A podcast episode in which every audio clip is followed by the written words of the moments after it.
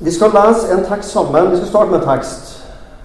Og eh, temaet er noe så voldsomt som Guds vrede. Og Så kan du tenke etter Når hørte du sist en bibeltime om Guds vrede? Ja Det er ikke ofte jeg preker om Guds vrede, i alle fall ikke som en egen bibeltime.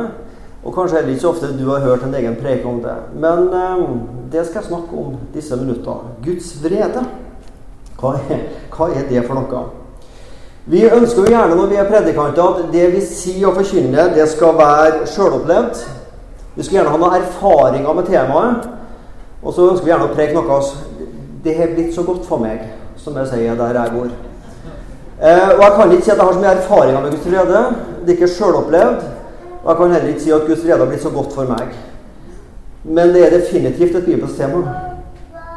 Vi skal starte med å lese sammen i Salme 90, vers 7-11. Vi går til grunne ved din vrede og rammes av redsel ved din harme, altså Guds harme. Våre misgjerninger har du for øye, vår skjulte synd blir synlig i ditt åsyns lys. Alle våre dager svinner under din vrede, årene går som en pust. Vår levetid er 70 år eller 80 år når styrken er stor. Deres herlighet er strev og møye, snart er det slutt, vi flyr av sted. Hvem kjenner styrken i din vrede? Hvem frykter deg så han fatter din harme? Dette tror jeg er det skriftavsnittet der liksom vrede og harme kommer oftest igjen som et ord. Denne salmen ikke av David, men av Moses. Vi hopper. Det går et eh, TV-program av og til på fredagskveldene som heter Noe nytt på nytt.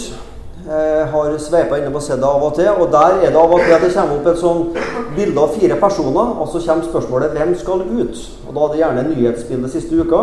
Så skal man finne ut hva, hvem av disse tre passer sammen, og hvem passer ikke sammen med disse fire. Hvem skal ut? Og Nå skal du få fire uttrykk om Gud her, og så spør jeg hvem skal ut? Guds nåde, Guds kjærlighet, Guds trofasthet, Guds vrede. Hvem skal ut?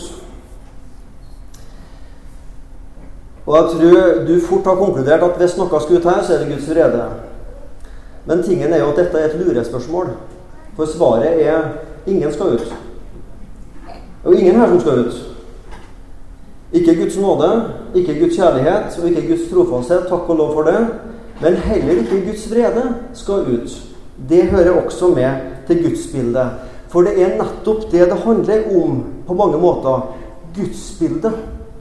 Hva slags bilde har du og jeg av Gud? Hvem er han i våre øyne? Gud skapte mennesket i sitt bilde. Ja og amen, vil de fleste si til det som tror på en levende Gud. da. Problemet for mange av oss er at vi fort skaper Gud i vårt bilde. Vi lager oss en Gud som liksom passer for oss. Og så kan vi stå i fare for at den guden vi lager oss, bare er den snille, milde, rause, inkluderende, aksepterende, alltid kjærlige Gud som alltid står med i åpen favn. Ja, han er heldigvis det. Men han er ikke bare det. Og så stiller jeg spørsmålet som er gjerne et sånn retorisk spørsmål som har liksom et svar. At har vi bevisst, eller kanskje heller ubevisst, utelatt dette bildet av Gud? At Gud også er en vred Gud? En hellig Gud som er vred over syndens konsekvenser, og som også kan være vred på synderen. Det handler om gudsbildet, og det handler om Guds egenskaper. Gud er kjærlig og Gud er hellig. Og så kan vi fort stå i fare for å tenke at enten er Gud kjærlig, eller så er Gud hellig. Eller vi kan stå i fare for å tenke at i Gammeltestamentet så var Gud hellig, og i Nytestamentet så er han kjærlig. Han var også kjærlig i Gammeltestamentet, og han er også hellig og vred i Det nye testamentet. Vreden er ingen egenskap med Gud, men det er en konsekvens av at Gud er hellig. En følge av Guds hellighet. Smak på dette ordet vrede. Vrede. Det er kanskje litt sånn museumsord som vi ikke ofte bruker i vårt daglige vokabular. Vrede. Men smak på orda frustrert, irritert, sint og vred. Og så er det på en måte en stigning i det. Du kan bli frustrert, du kan bli irritert, du kan bli sint, og du kan bli vred. Og det er jo en forskjell, da. Jeg mener Hvis bussen eller toget er fem minutter forsinka, så går ikke til bussjåføren og 'Jeg er så vred for at bussen var fem minutter forsinka'. Da vil bussjåføren lure på om han skal ringe et tresifra telefonnummer og tilkalle han med hvite frakker. Men hvis barnet mitt blir slått på skoleveien og blir mobba daglig, og jeg sier til naboen ja, jeg er så frustrert Ja, da passer det heller ikke. Så du ser frustrert, irritert, sint og vred. Det er liksom det, det, er det sterkeste uttrykket for på en måte sinne du kan finne. Vrede. Og, og, det er jo et ord som har en negativ klang. Og sinne har en negativ klang, naturlig nok. Men faktisk, i Bibelen så kan det stå positive ting, iallfall realistiske ting om sinne også. Blir dere sinte, så synd ikke. Og la ikke solen gå ned over deres vrede. I en annen bibeloversettelse står det 'bli sint, men synd ikke'. Det kan altså av og til være rett å bli sint. Problemet er bare at når jeg blir sint, så er det så lett at jeg sier ting jeg ikke skulle sagt, og gjør ting jeg ikke skulle gjort. Og Da er det så lett å synde når vi blir sinte. Men sinne og vrede kan også være berettiga. Og la ikke solen gå ned over deres vrede. Ja, dette er et bibelord som kun kan etterleves i sommerhalvåret nord for polarsirkelen. Ja. Vi har vel kjent på det, de fleste av oss som er i ekteskap, at eh, det var ikke alltid det var lett å leve etter det ordet. Det er klart hva som kommer fra vår onde natur. Så kommer en lang tirade, bl.a. vrede. Ja, vreden den kommer fra vår onde natur, og den veller fram. Og den kan være skadelig. Vi sier ting, vi gjør ting vi ikke skulle sagt og gjort.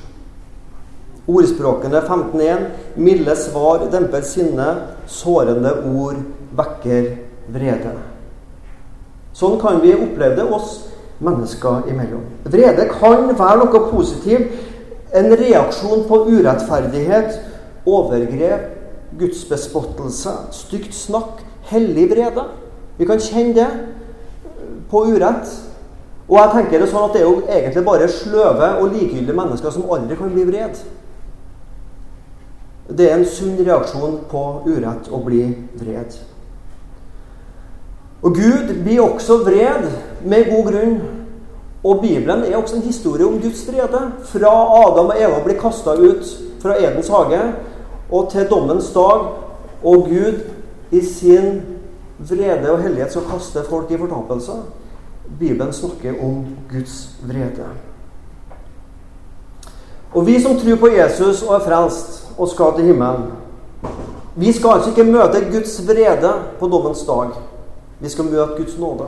Men hvorfor skal vi da likevel ha en bibeltime eller høre om Guds vrede? Det tror jeg det er noen grunner til.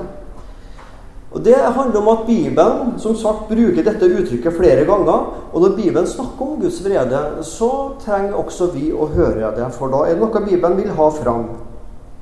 I Johannes' åpenbaring så snakkes det om at Gud, eller Guds engler, en gang skal tømme sju Eh, sju gullskåler med Guds vrede, Guds dom utover jorda, til straff for menneskets synder. Og så kan vi jo lure på skal vi oppleve det i vår tid. Lever vi dette her eller ikke? Jeg er ingen spesialist på endetida og Johannes' åpenbaring, så jeg skal ikke dra noen raske, bastante slutninger fra det, men vi kan jo stille oss spørsmål iallfall.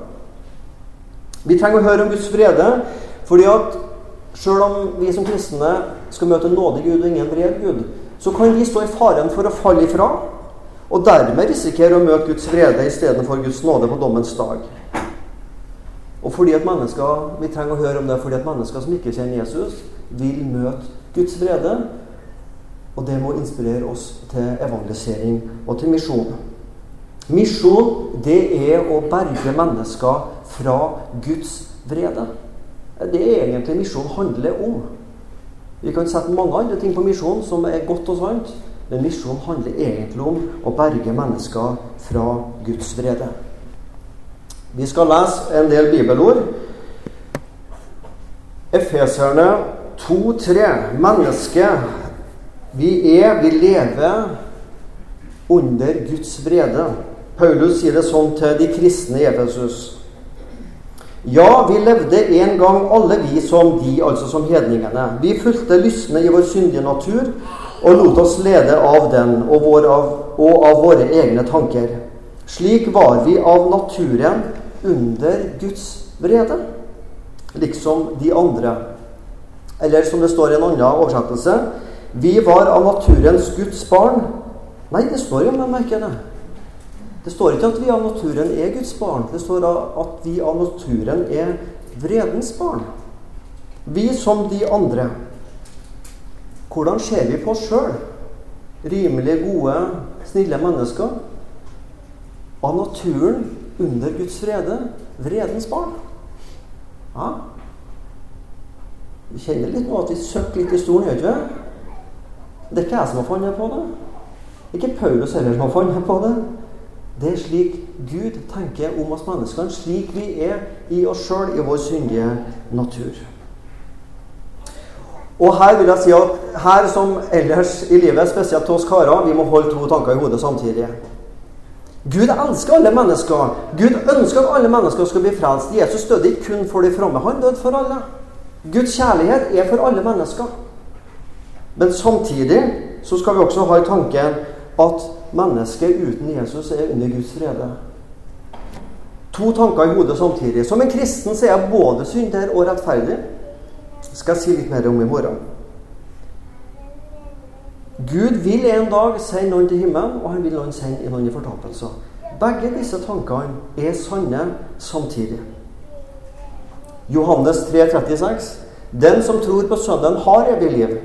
Den som er ulydig mot Sønnen, skal ikke, se, skal ikke se livet, men Guds vrede er og blir over ham. Ikke bare en gang i framtida at Guds frede skal bli over ham, men allerede nå at Guds frede er over ham. Slik taler Jesus. Synden fremkaller Guds vrede. Vi leser mange plasser i Bibelen om at syndens konsekvens utløser Guds vrede. Vi kan lese om farao i Egypt, som trosser Guds vilje om å sende ut israelsfolket, og Guds vrede, de ti landeplagene, rammer farao, Egypt og folket. Vi kan lese om jødefolket i, eh, i ørkenen. Der møter vi av og til dette begrepet 'Herrens vrede flammet opp'. Herrens vrede flammet opp. Tilbedelse av gullkalven og andre ting, eh, ikke så fullt lure ting som de gjorde. Og så flammer Herrens vrede opp. Det står om noen at de berørte paktens ark. Det var to stykker som kom bort i paktens ark. Og Guds vrede flamma opp, og de to døde på stedet. Vi tenker liksom ja, det var ikke samsvar mellom uh, ugjerningen og reaksjonen. Nei, det kan vi godt si ut fra et menneskelig perspektiv. Men Gud reagerte i sin hellighet, i sin vrede, med at de menneskene døde. Og Så står det en formaning til oss kristne i Kolosserne 3, 5-6. La da det jordiske i dere dø. Hor, urenhet, lidenskap og ondt begjær og grådighet, som ikke er annet enn avgudsdyrkelse.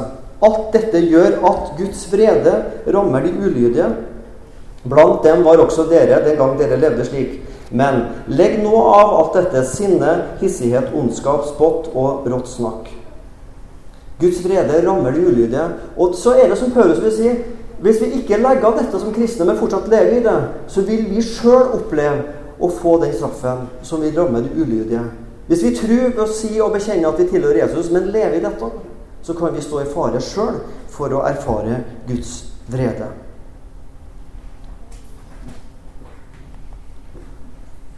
Romerne 5, 8 og 9.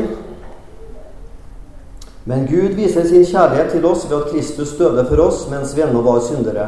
Når vi nå er blitt frelst er blitt rettferdige ved Kristi blod, hvor mye mer skal vi ikke da gjennom Han bli frelst fra vreden? Frelst fra vreden.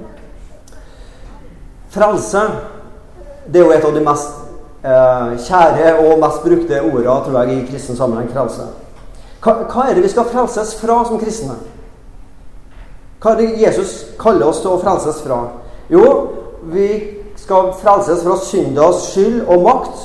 Vi skal frelses fra fortapelsen, fra djevelens makt. Vi skal frelses fra dårlig samvittighet og fra lovens krav. Ja, det er helt rett, det. Men det vi virkelig skal frelses fra, det er Guds vrede. Ditt og mitt største problem er ikke synda, er ikke djevelen, men ditt og mitt største problem er Gud. For det er Gud som har makt til å kaste oss i fortapelsen. Det er ikke djevelens makt. Den makta er Guds hender. Og egentlig, fra ei side sett, så er Gud vårt største problem. For han er en vred Gud. Han er også en vred Gud. Men i Jesus så frelses vi fra vreden. Og det er ikke fra djevelens vrede vi frelses, men vi frelses fra Guds vrede. Kjenner du at dette begynner å bli varmt etter hvert? Ja. Jeg tror dette utfordrer oss, og det kan provosere oss. Men jeg tror likevel dette trenger vi å bli minnet om. Og så står det så flott Når vi nå er blitt rettferdige ved Kristi blod, ved Jesu blod, da blir vi altså frelst fra Guds vrede. Jesu blod er det som berger oss fra fortapelser og fra Guds vrede. Ved Jesu blod. Martin Luther han sa det på følgende måte Både jøder og muslimer snakker om Guds kjærlighet. For det gjør jo vi kristne òg. Altså, både jøder og muslimer snakker også om Guds kjærlighet. Men ikke hva det kostet Gud å være kjærlig. Det er det det handler om. Hva kosta det Gud å være kjærlig? Jo, det kosta han Jesu blod. Det kosta hans egen sønns liv. Å frelse oss fra Guds vrede.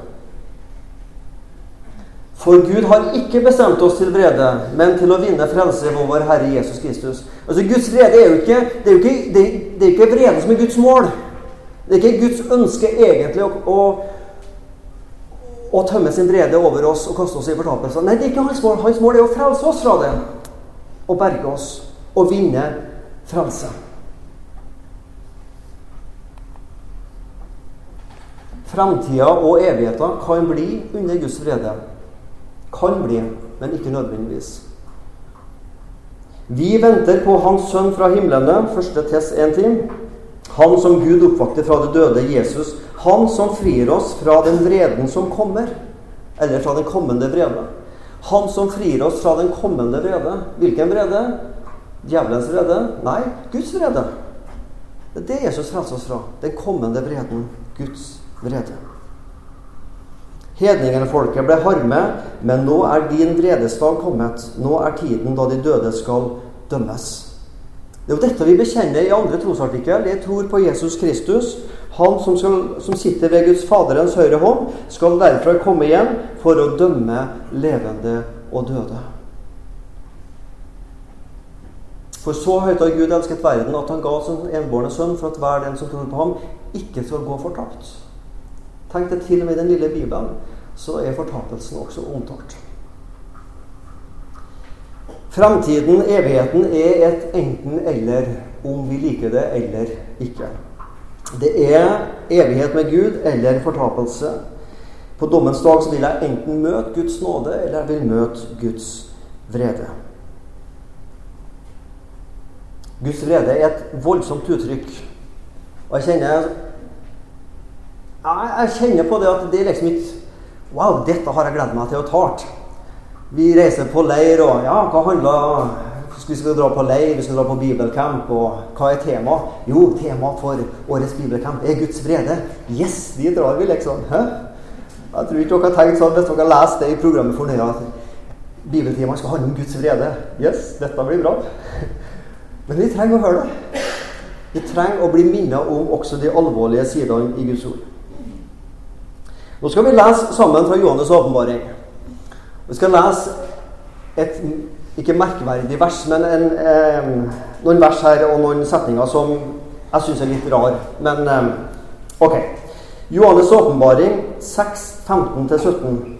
Og det er i forbindelse med eh, Det står om de sju seil i Johannes' åpenbaring. Og igjen, jeg er ingen spesialist på det og kan ikke komme med noe sånn sånn og sånn betyr det, og det skal skje sånn og sånn. Men det står i forbindelse med at det sjette seilet åpnes, så skjer følgende. Jordens konger, stormenn og hærførere, de rike og de mektige, hver slave, hver fri, alle gjemte de seg i huler og mellom berghamrer.